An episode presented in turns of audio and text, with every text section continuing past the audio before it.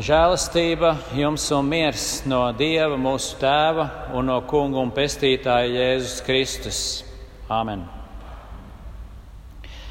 Klausieties Baltās svētdienas svēto rakstu vārdus no apakstuļu darbu grāmatas desmitās nodaļas. 40. un 41. pāns. Dievs Jēzu uzmodinājis trešajā dienā un viņam licis parādīties, bet ne visiem ļaudīm, bet Dieva priekšā izredzētajiem lieciniekiem, mums, kas ar viņu esam ēduši un dzēruši pēc viņa augšām celšanās no mirušajiem. Āmen! Nāc svētais gars, nāc! Apskaidro mūsu savu vārdu patiesībā, jo tavi vārdi ir mūžīga un svēta patiesība. Āmen!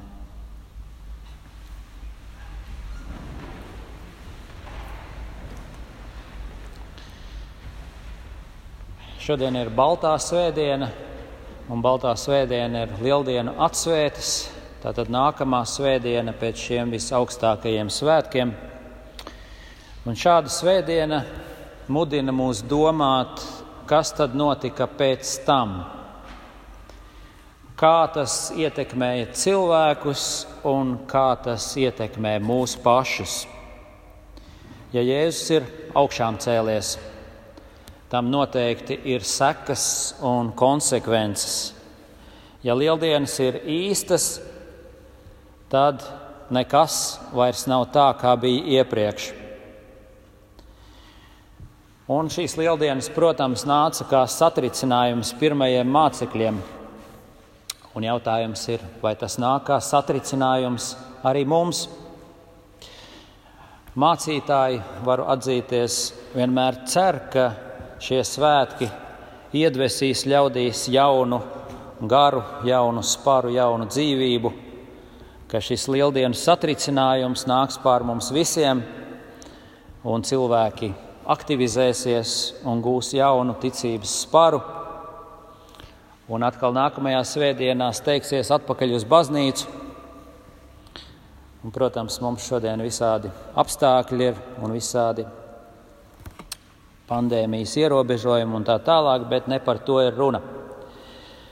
Un katru gadu, gadu no gada mācītājiem, diemžēl pēc svētkiem atkal ir jāsaskumst, kad tas nenotiek liekas, nu tagad, kad mūžīgā dzīvība ir atspīdējusi, kad nāve ir satriekta un uzvarēta, tad ļaudis taču svētdienā ar prieku pametīs savus mīļākos svētdienas šovus un priecīgi celsies no dīvāna, lai no jauna dzirdētu un saņemtu augšām celšanās dzīvības vēstu. Tomēr pieredze rāda, ka tas nav tik viegli un vienkārši. Un jautājums, kāpēc tā? Nu, diemžēl jāsacina, ka daudziem lieldienas ir tikai kaut kas, kas jauks, skaists, ģimenisks, uz brīdi pacilājošs un svētku sajūtu rodošs, bet tajā nav tā dziļā satricinājuma, nav tā dzīvi mainošā vēsts. Tāpēc šodien, ko mēs darīsim, mēs tuvāk ieskatīsimies, kas tad notika pēc lieldienu pirmajās norisēs. Mēs ievērosim šo efektu pie cilvēkiem. Jā, tas bija gana spēcīgs efekts, bet tikai pie atsevišķiem cilvēkiem. Jā, Jēzus augšām cēlās un viņš atklājās, bet ne visiem. Ne pie visiem viņš nāca un ieradās. Jēzus nenāca kā tāds neatvairāms spēks, neatvairāms pierādījums, lai ar lielu jaudu iedzītu cilvēkus ticībā. Viņa augšām celšanās nenogāza nevienu no kājām, bet šai viņa nākšanai bija tāds īpatnējs, noslēpumains, eh, pat izredzēts raksturs. Tad jautājam, kas tad redzēja augšām celto? Viņu neredzēja romiešu skapa sargi, viņu neredzēja Poncijas Pilāts, viņu neredzēja arī augstais priesteris Kajafa. Arī plašākai sabiedrībai viņš neatklājās. Bet pie kā tad Jēzus nāca? Viņš nāca pie mācekļiem, pie tiem, kas jau bija viņam piederīgi, kas jau viņam bija pieķērušies un iemīlējuši viņu vārdus. Lai arī cik eh, varbūt vārga bija viņa ticība un viņa pieķeršanās, viņš nāca pie tiem un tos stiprināja un uzrunāja. Tie bija, protams, Pēters, Jēkabs, Jānis, Marija Magdalēna un pat daudzi simti cilvēku tiek uzskaitīti, kurus visu pat vārdus mēs nezinām, kas tie bija pa cilvēkiem, bet tie bija tie, kas bija jau pieķērušies viņam. Tur pie tiem viņš nāca bez īpašas slēpšanās. Eh, viņš runāja ar tiem, kas viņu jau iepriekš pazina, un viņš atklājās viņiem kā īsts un reāls savā augšām celtajā, apskaidrotajā miesā. Viņš ļāva sev pieskarties, viņš šaubīgajam Tomam pat ļāva likt pirkstus viņa rētās, lai pārliecinātos, Viņš ar dažiem kopā ēda un dzēra, lai pierādītu, ka viņš nav nekāds spoks. Tātad viņa nākšana notika pie visiem, kas bija jau ticējuši, kas bija jau uz viņu cerējuši un paļāvušies. Un viņiem vajadzēja šo apstiprinājumu, un šo apstiprinājumu viņi saņēma. Un veselas 40 dienas pēc augšām celšanās, šajā pēclieldienu laikā, Jēzus bija un palika kopā ar viņiem, un viņš apliecināja, ka viņš patiešām ir augšām cēlies, ka mūžīgā dzīvība ir uzvarējusi, ka nāves iznīcības vara ir sagrauta. Viņš viņus pārliecināja, ka te nav nekādu pārpratumu, ka viss ir pa īstam. Un tā tas ir ar vienu. Jēzus nākšana vārdā un sakramentā ar vienu ir spēcīga, bet tā ir spēcīga pie ticīgajiem. Augšām celtais nevēlas nevienu piespiest ar varu. Viņš vēlas sev priecīgus un labprātīgus sekotājus, un tai ziņā nekas nav mainījies. Taču ir vēl kāds, kāds cits nopietns šķērslis kāds šķērslis, kas kavē ticību un sekošanu, kā toreiz, tā arī tagad. Kas tas ir? Un šis šķērslis ir bailes. Bailes, ka sekošana Jēzum varētu būt prasīga, ka tā varētu no cilvēkiem kaut ko prasīt un ka tas, tas varētu kaut ko maksāt. Un tas ir tas kritiskais jautājums, ka Jēzus sekotājiem bija paredzams jaunas grūtības, un nastas un izaicinājumi, un pat bīstamības, kas nākotnē jāuzņemās. Un tā ir taisnība. Jēzus to mācekļiem nekad arī neslēpa un atklāti teica, kas man grib nākt pakaļ, tam jāizliedz sevi un jāuzņemās krusts. Un kurš gan grib dzirdēt šādus te vārdus? Piemēram, mēs tālāk lasām korintiešu vēstuli, un Korintas draudzene ļoti uzskatām, Pāvils viņiem raksta, ka viņi, viņi grib izlaist šo krusta vārdu. Viņi grib pataisno iet uz augšām celšanos. Un, un, un Pāvils teica, krusta vārds ir piedauzība un muļķība cilvēku ausīs, bet krusts nāk līdzi ar augšām celšanos. Tieši krusta vārds bija tas, kas daudziem teikt, nosita apetīti. Un tas likās kaut kas nepieņemams, nesagremojams, pretdabīgs. Nav šaubu, ka tieši krusta vārds daudzus atbaidīja. Tieši tas, ka būt par kristieti, tas ir prasīgi, ka tas kaut ko maksā, ka ir jāuzņemās krusts un jāsako Jēzus ceļā. Jo patiesi, kam gan patīk klausīties tādus prediķi, kā Pāvils bieži savā vēstulēs saka, ka mums ir jāsit krustā sava vecā ādamiskā miesa, ka savus ļaunos netikumus, savus kārdinājumus, savas kaislības, ka tiem ir jā, jāmirst kopā ar Kristu, lai varētu celties jaunai dzīvībai. Un šāda savas miesas mērdēšana izklausās sāpīgi, nepatīkami. Kam gan patīk mērdēt savu ļauno dabu? Taču krusta vārds ticīgiem nav tikai šis sāpīgais vārds, bet tas ir arī dzīvības vārds. Ar miršanu nāk augšām celšanās. Ar augšām celšanos mēs tiekam atjaunoti, svētīti un stiprināti. Tā kā krusta vārds kļūst mums par spēku un gudrību, par glābjošu spēku. Tā kā ir krusts, miršana un celšanās. Tā ir jauna dzīvība, kas līdz ar to nāk. Tātad no vienas puses krusta vēstī ir spēks un gudrība, bet no otras puses var saprast, ka daudziem šie vārdi liekas smagi, drūmi, draudoši un pat grūti sagremojami. Jo krusta vārds izsit cilvēku no komforta zonas un izņem kontroli no viņa paša rokām. Jo ar dzīvojot zem krusta, tu nekad nezini, kāds krusts tevi priekšā gaida Kristus vārdu dēļ. Bet ar ticīgiem ir tā, kas mums atliek. Mēs līdz ar pirmajiem mācekļiem sakām tā, kā viņi teica: Kungs, kur gan citur mēs iesim? Tev ir mūžīgās dzīvības vārdi. Kur mēs citur iesim, kungs? Tev pieder augšām celšanās vārdi, kas ir īstā barība mūsu dvēselē. Jā, te mēs redzam šo problēmu ar lieldienu evaņģēlīju. Tā problēma ir tāda, ka šis vārds ir pārāk radikāls.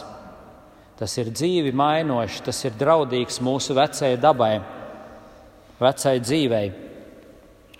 Un mēs zinām, ka dēļ savas jaunās dzīves daudzi mūs nesapratīs un nepieņems, sauks mūs par dīvainiem, nesaprotamiem putniem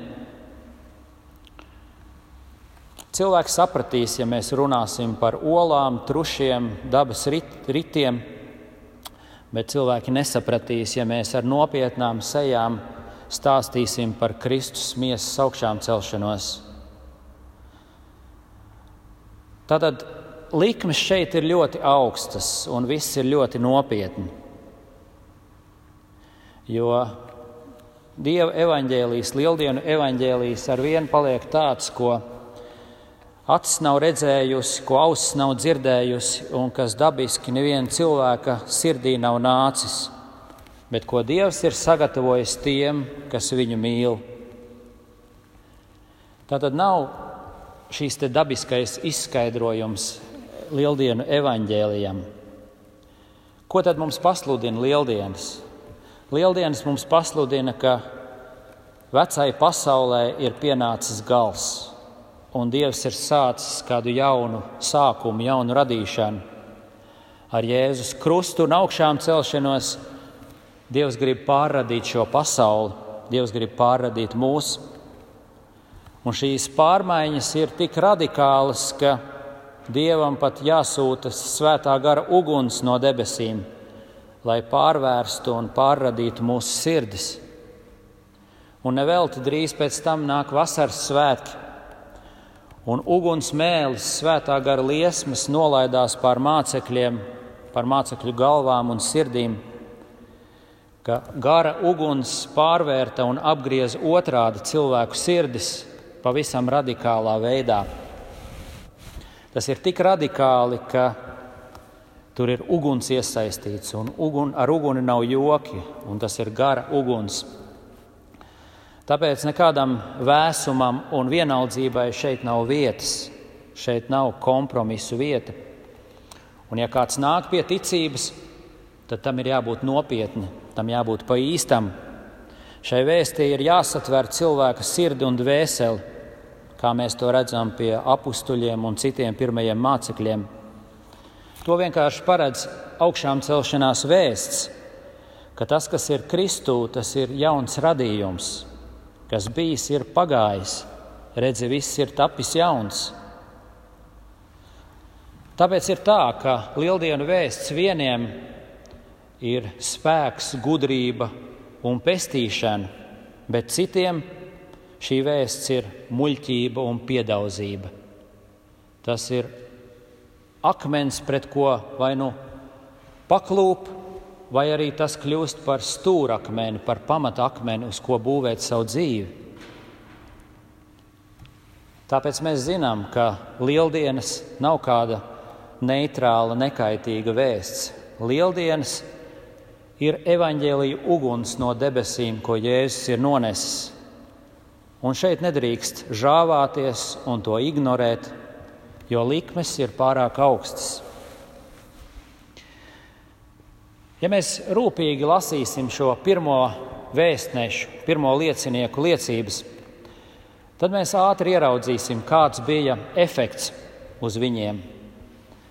Kad viņi bija beidzot nākuši pie pārliecības, kāda bija viņa brīvība, kāds, kāda dzīvība valdīja viņu sirdīs, viņu sirdis bija iesilušas, viņu sirdis dega, viņa bija droši, viņi bija drosmīgi. Viņi bija tik ļoti stiprināti un iedvesmoti, ka var teikt, šī vēsts viņus spārnoja.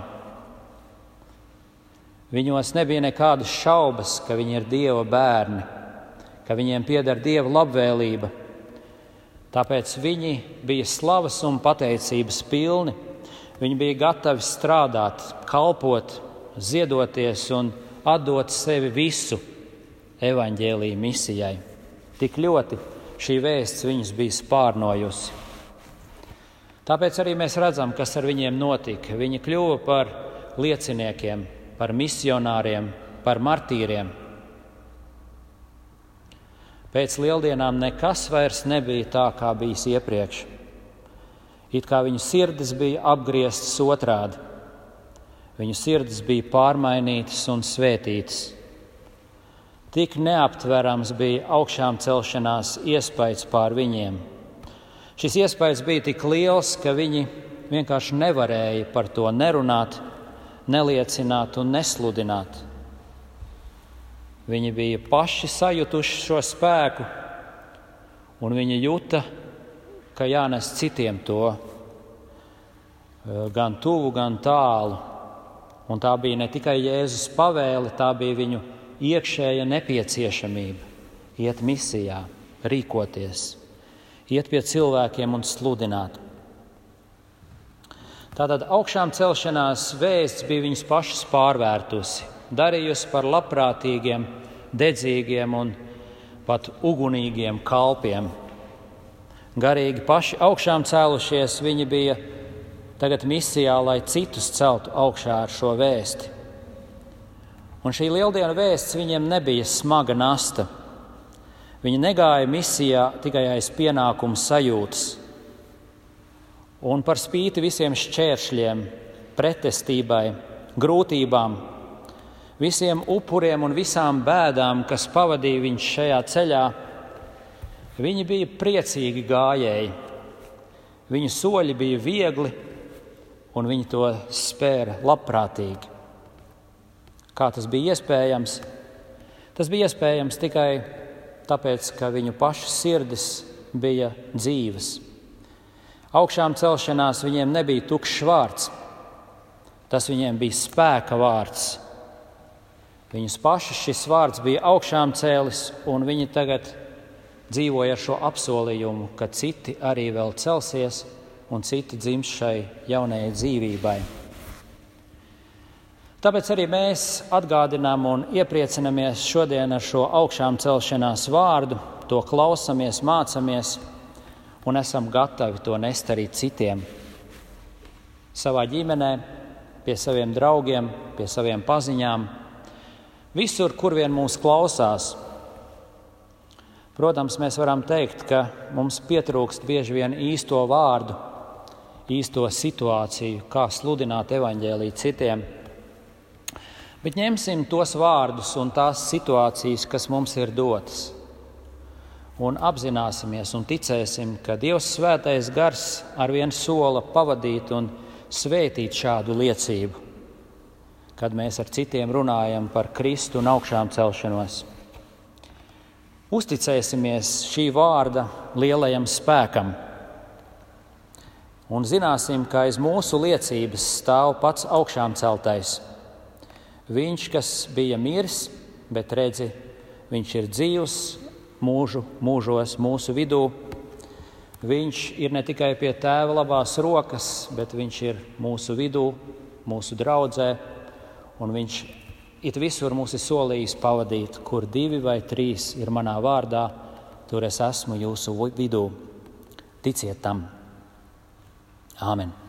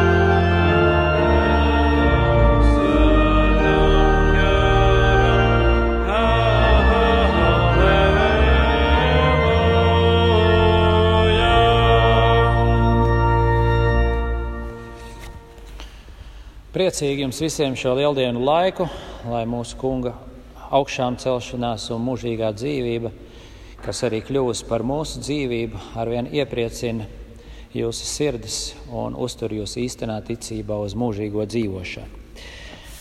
Ziņoju par nākamo dievkalpojumu. Nākamā svētdiena, parastajā laikā, pulksten divos, un iesvētas mācības arī notiek pulksten vienos, un Bībeles stundas pulksten septiņos katru otru dienu, kur lasām jaunas grāmatu joprojām. Lūksim tēvreizes lūkšanu. Mūsu Tēvs debesīs, svētīts lai top tavs vārds, lai nāk tava valstība, tavs prāts, lai notiek kā debesīs, tā arī virs zemes. Mūsu dienascho maizi dod mums šodien un pie mums mūsu parādus, kā arī mēs piedodam saviem parādniekiem, un neieved mūsu kārdināšanā, bet atpestī mūs no ļauna, jo tev pieder valstība, spēks un gods mūžīgi mūžos. Āmen! Un Dieva miers, kas ir augstāks par visu cilvēku prātu un saprašanu, svētīs un pasargās jūs sirdis un domas Kristu Jēzu uz mūžīgo dzīvošanu. Āmen!